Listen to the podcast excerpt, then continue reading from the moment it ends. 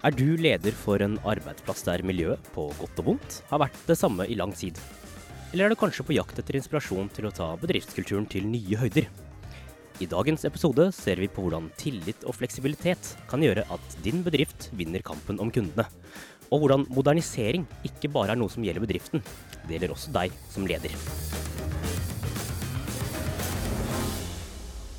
Hjertelig velkommen til Kunderådet, en podkast produsert av Tekna, der vi snur og vender på alt som skjer innenfor kundeservice.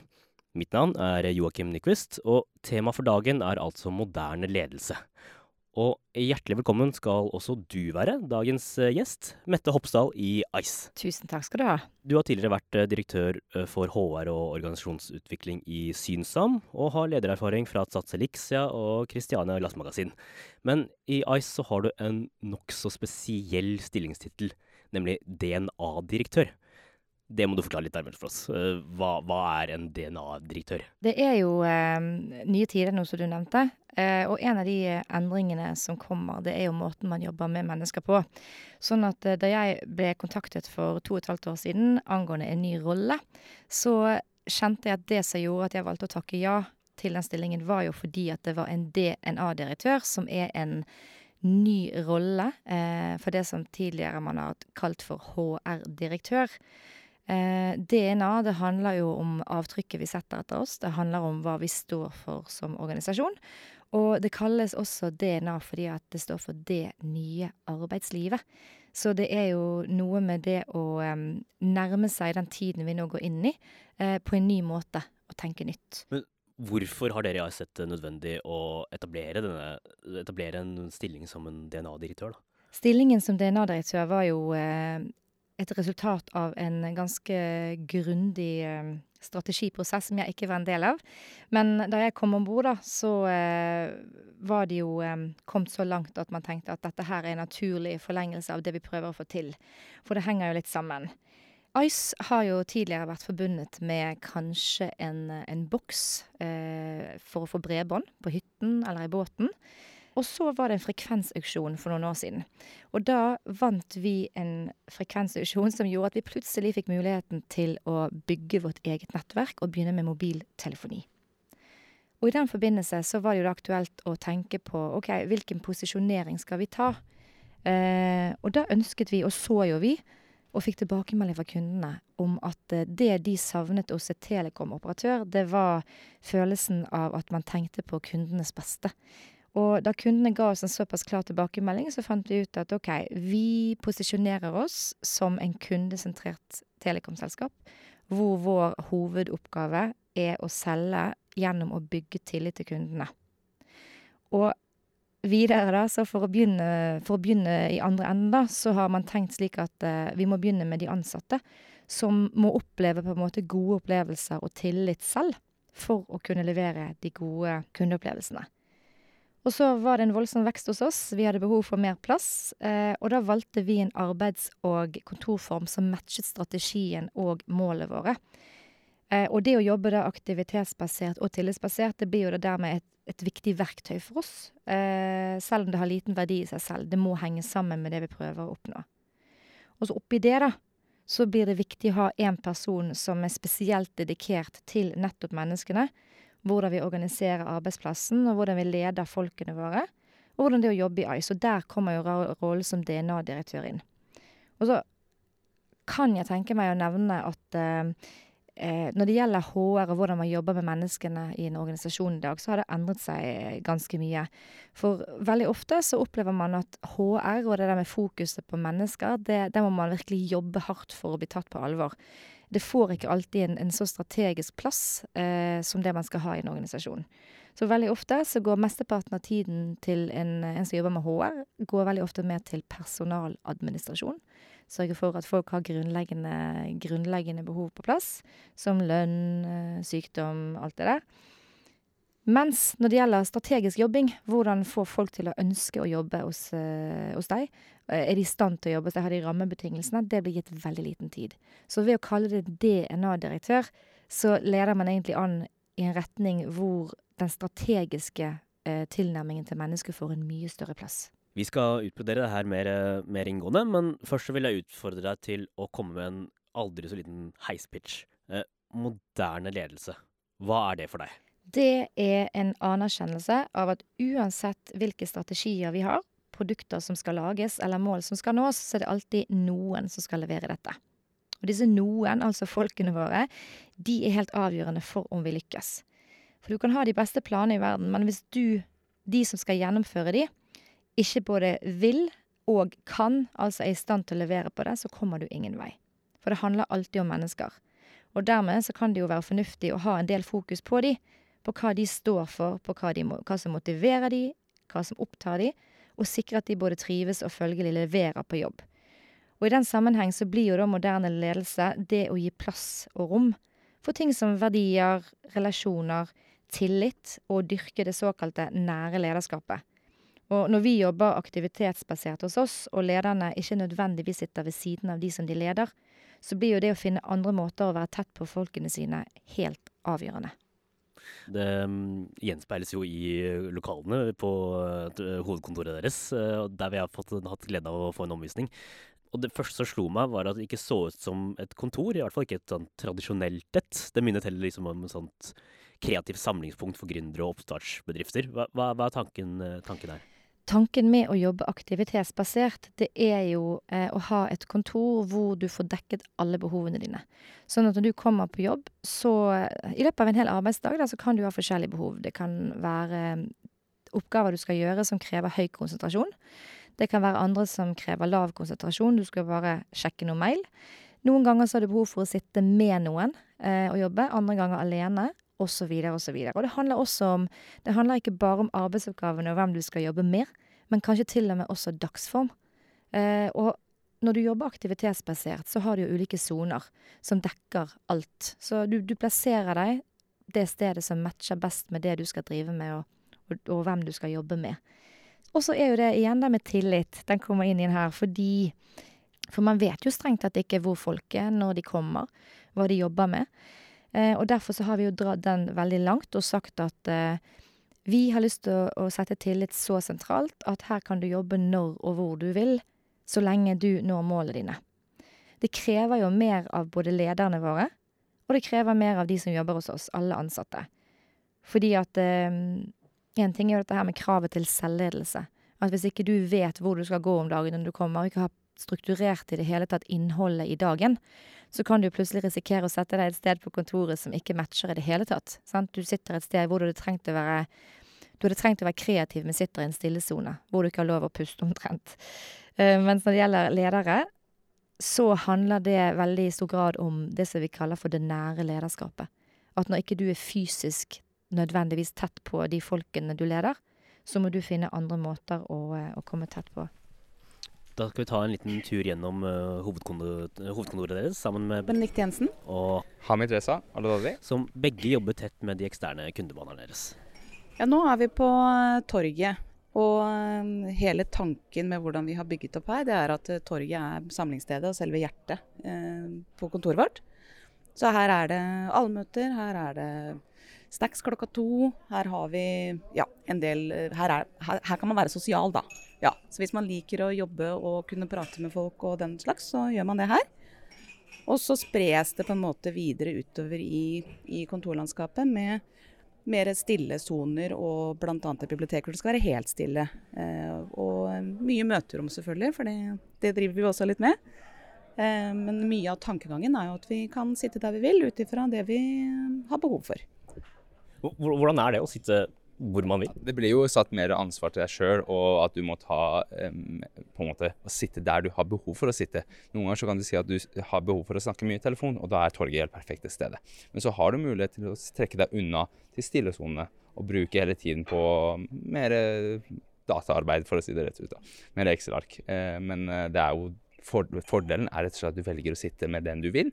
Eh, F.eks. hvis jeg har behov for å jobbe sammen med kundeserviceavdelingen, uh, de som driver med driften, så kan jeg sitte meg ved siden av de, sammen med de. Så nå beveger vi oss da inn i Det kan dere sikkert høre, dere som hører på, at nå blir det stillere. Uh, og da er det på en måte mye mer arbeidsplasser med skjermer og den type ting. Og da er det liksom behov for en mer stillesoner, som vi kaller det. Ja. Dere har et refleksjonsrom. Hva, hva er et refleksjonsrom? Eh, Jeg har, for å være helt ærlig, jeg har aldri vært der inne.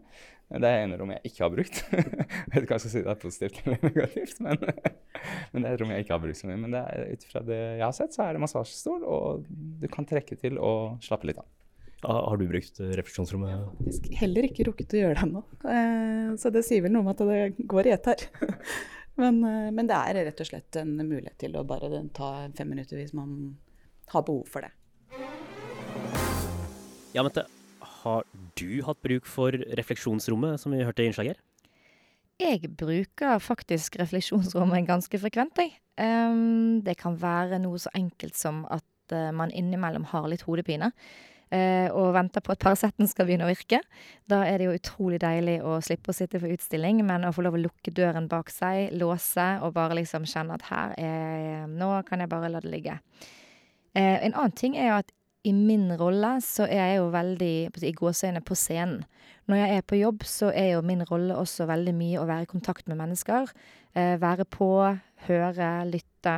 Og det å da kunne trekke seg tilbake til et sånt refleksjonsrom, bare en liten, liten ti minutters periode, og samle litt krefter innimellom, hvis man ikke har nødvendigvis den dagen hvor du kjenner at dette her kommer veldig lett, så det er deilig for meg å bare gå inn der, samle krefter, og gå ut igjen på scenen. Eh, slik Benedicte og Hamid fortalte, så har dere outsources kundeservicefunksjonen deres.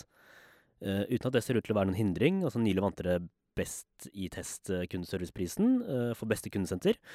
Men hvis vi ser på det fra et eh, ledelsesperspektiv, da. Hvilke utfordringer medfører det at eh, kundesenteret deres ikke er inhouse? Jeg må helt ærlig innrømme at jeg ser ingen spesifikke utfordringer, for det, vi har veldig gode erfaringer med det. Det krever egentlig bare at vi bruker nok tid med de som jobber på kundesentrene, slik at de blir godt nok kjent med Icing kultur og våre verdier og vårt tankesett. Og sånn er det jo egentlig uansett hvem man velger av samarbeidspartnere, så blir de jo aldri bedre enn vi gjør de. Um, sånn at de av våre kollegaer, eh, du nevnte jo to av de i sted, eh, de av våre kollegaer som jobber veldig tett med kundesentrene våre, de er helt rå på å vise det vi står for i praksis. Så de er stadig ute på kundesentrene og trener de som da gjør jobben for oss overfor kundene. Trener dem, hjelper dem, coacher dem, ser dem. Og du kan tenke deg at når det er sånt liv der, og man blir så sett, og man liksom føler seg som en del av noe, så det er klart at når disse flotte folkene der snur seg i neste øyeblikk og skal ringe til kundene, så kan du jo tenke deg hvilken approach de har overfor kundene. Det er jo eh, Det drypper jo videre. De som leverer kundeservicefunksjonen deres, de jobber bare for Ice. De har ikke noen andre, andre kunder eh, sånn sett, eller andre oppdragsgivere sånn sett. Eh, Men hvorvidt er det mulig å overføre den tillitsbaserte arbeidsmentaliteten som dere har fra, på, på hovedkontoret deres, og ut til de eksterne kontorene? Det er klart det at når man skal jobbe eh, på visse klokkeslett, for vi jobber jo eh, på kundesentrene jobber, jo når, jobber vi jo etter eh, ulike skift når kundene sant? Vi har jo åpningstider. Så det er klart at den der jobb når og hvor du vil, den er ikke like lett å overføre. Men, men ser man vekk fra den, så er det aller meste overførbart, altså. Eh, Gi folk følelsen av at du stoler på dem. Skap relasjoner som er basert på tillit, eller kanskje egentlig motsatt. Skap tillit gjennom å fokusere på gode relasjoner. Um, det handler jo ikke bare om fri flyt og, og gjør hva du vil, men det handler kanskje vel så mye om tillit til at de du jobber med og du jobber for, vil deg vel. Uh, dimensjonen om at tillit, uh, tillit handler om at du er regnet med, tillit til at alle holder det de lover, Uh, og tillit til at, altså fra oss til de på at eh, vi, vi har tillit til at dere gjør jobben deres. Så tillit kommer i veldig mange shapes and forms, da.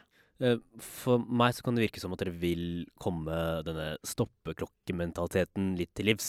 Altså at de ansatte ønsker å levere gode resultater fordi de føler seg verdsatt, og ikke fordi de må overholde konkrete krav.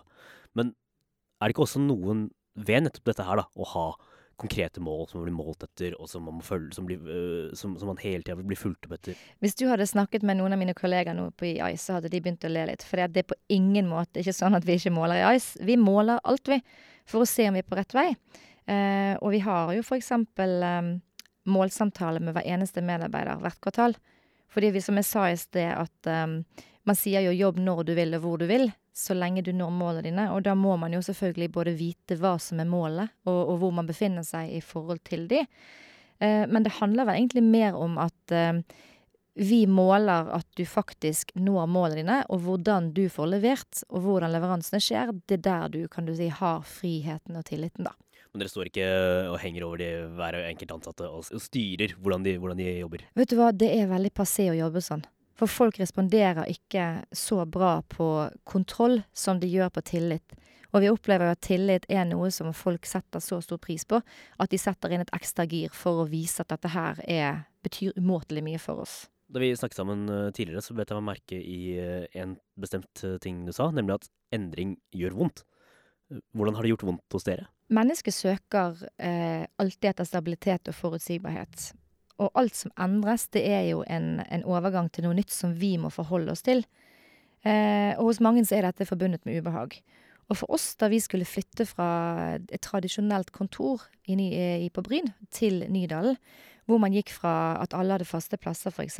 til um, å jobbe aktivitetsbasert, hvor det er free seating, så det er klart det at det rokker veldig ved den grunnleggende tryggheten. Ingen hadde jobbet aktivitetsbasert før, for det er jo en forholdsvis ny arbeidsform. Eh, og da kommer det opp eh, alt mulig slags spørsmål eh, som Til å begynne med så kan det virke som at folk Hva skal man si, da? At det gjør vondt, eller at folk er mot. Men hvis du går og snakker med medarbeiderne dine og spør men hva er det du tenker mest på, da? Når det gjelder den endringen som vi skulle inn i. Så viser det seg at folk er ikke imot. De er bare opptatt av helt ting som handler om eh, hvor skal jeg gjøre ut av kaffekoppen min? Når jeg ikke lenger på en måte har min pult. Hvor lenge kan jeg sitte der? Jeg har alltid på en måte et bilde av barna mine stående, hva gjør jeg med det? Altså det er helt sånne her eh, trivielle, men veldig viktige ting.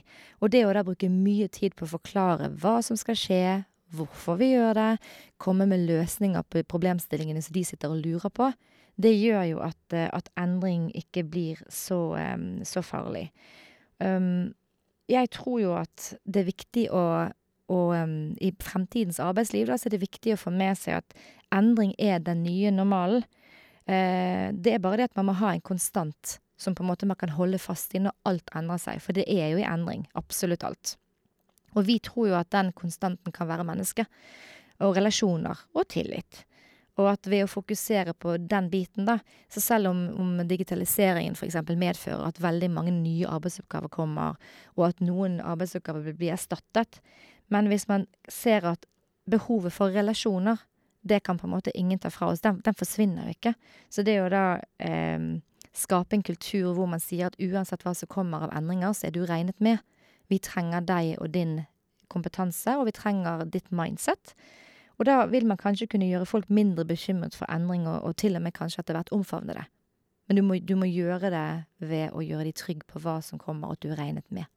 Det er helt sikkert eh, mange som kanskje føler på disse tingene her, da, og kanskje føler at de bør sette i gang en kulturendring i bedriften, uten å helt vite hva som bør gjøres, eller hvilke tiltak de kan sette i gang. Eh, Hvordan vet jeg at en mer moderne ledelsesform passer for nettopp min bedrift? Jeg tenker at du har egentlig ikke noe valg. Eh, De som tror, de bedriftene som tror at de kan gjøre ting nå, slik som de gjorde før, de tror jeg vil bli de store taperne fremover. Fordi at absolutt alt er i endring pga. både digitalisering og krav til innovasjon. Så spørsmålet blir egentlig ikke om man skal endre seg. Eh, spørsmålet blir hvordan du og ditt selskap eh, møter fremtidens arbeidsliv, og ikke minst fremtidens kundemøte. Så her er det litt sånn uh, if you snooze, you lose. Um, og jeg tror jo at de, de tingene som handler om det moderne eh, måten å lede på, det handler jo, som vi nevnte før, dette med tillit, relasjoner, mennesker i fokus. Det handler grunnleggende om å bry seg om det folkene dine bryr seg om. Det er ikke så store ting, altså. Så folk tenker gjerne at eh, oi, nei, det blir veldig kostbart, hva skal vi gjøre nå, vi skal virkelig gå inn og, og nærme oss liksom fremtidens måte å jobbe på. Og når folk spør oss, så er det jo så utrolig sånn det, Svaret er så enkelt at det nesten blir sånn tuller du? Det handler jo om å ta mennesket på alvor. Finne ut hva, hva folkene dine er opptatt av, og levere på det. Hvis du kan avslutningsvis da komme med noen tips til de som hører på, eh, hvordan kan de innføre en moderne ledelsespraksis i, i sin bedrift? Ved å endre til en moderne ledelsespraksis, så erkjenner du samtidig at du må ta vare på de folkene som faktisk skal levere noe for deg. Det bør vi være enige om først. Så da tenker jeg det er tre ting. Det ene er alle i toppledelsen må være omforent og enige i at dette faktisk er tilfellet, og stille seg bak det.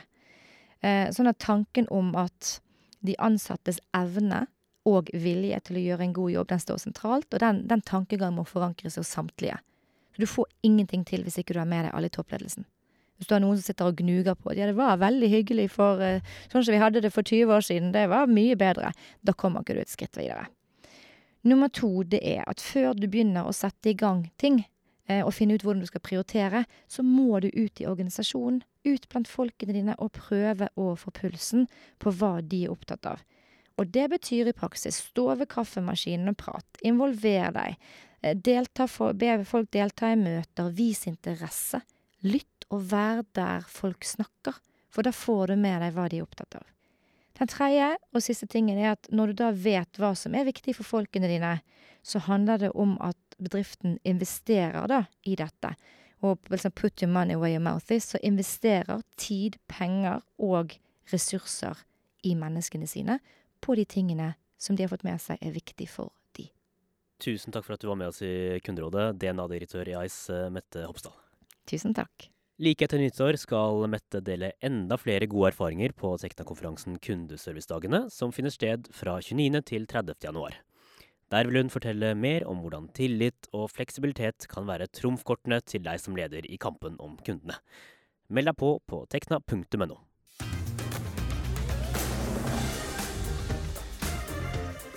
Kunderådet er en podkast produsert av Tekna i samarbeid med Newslab. Denne episoden er blitt til ved hjelp av Kristin Haug, Fredrik Langseth og Torgeir Gjenne Mortensen. Mitt navn er Joakim Nyquist. Takk for at du hørte på.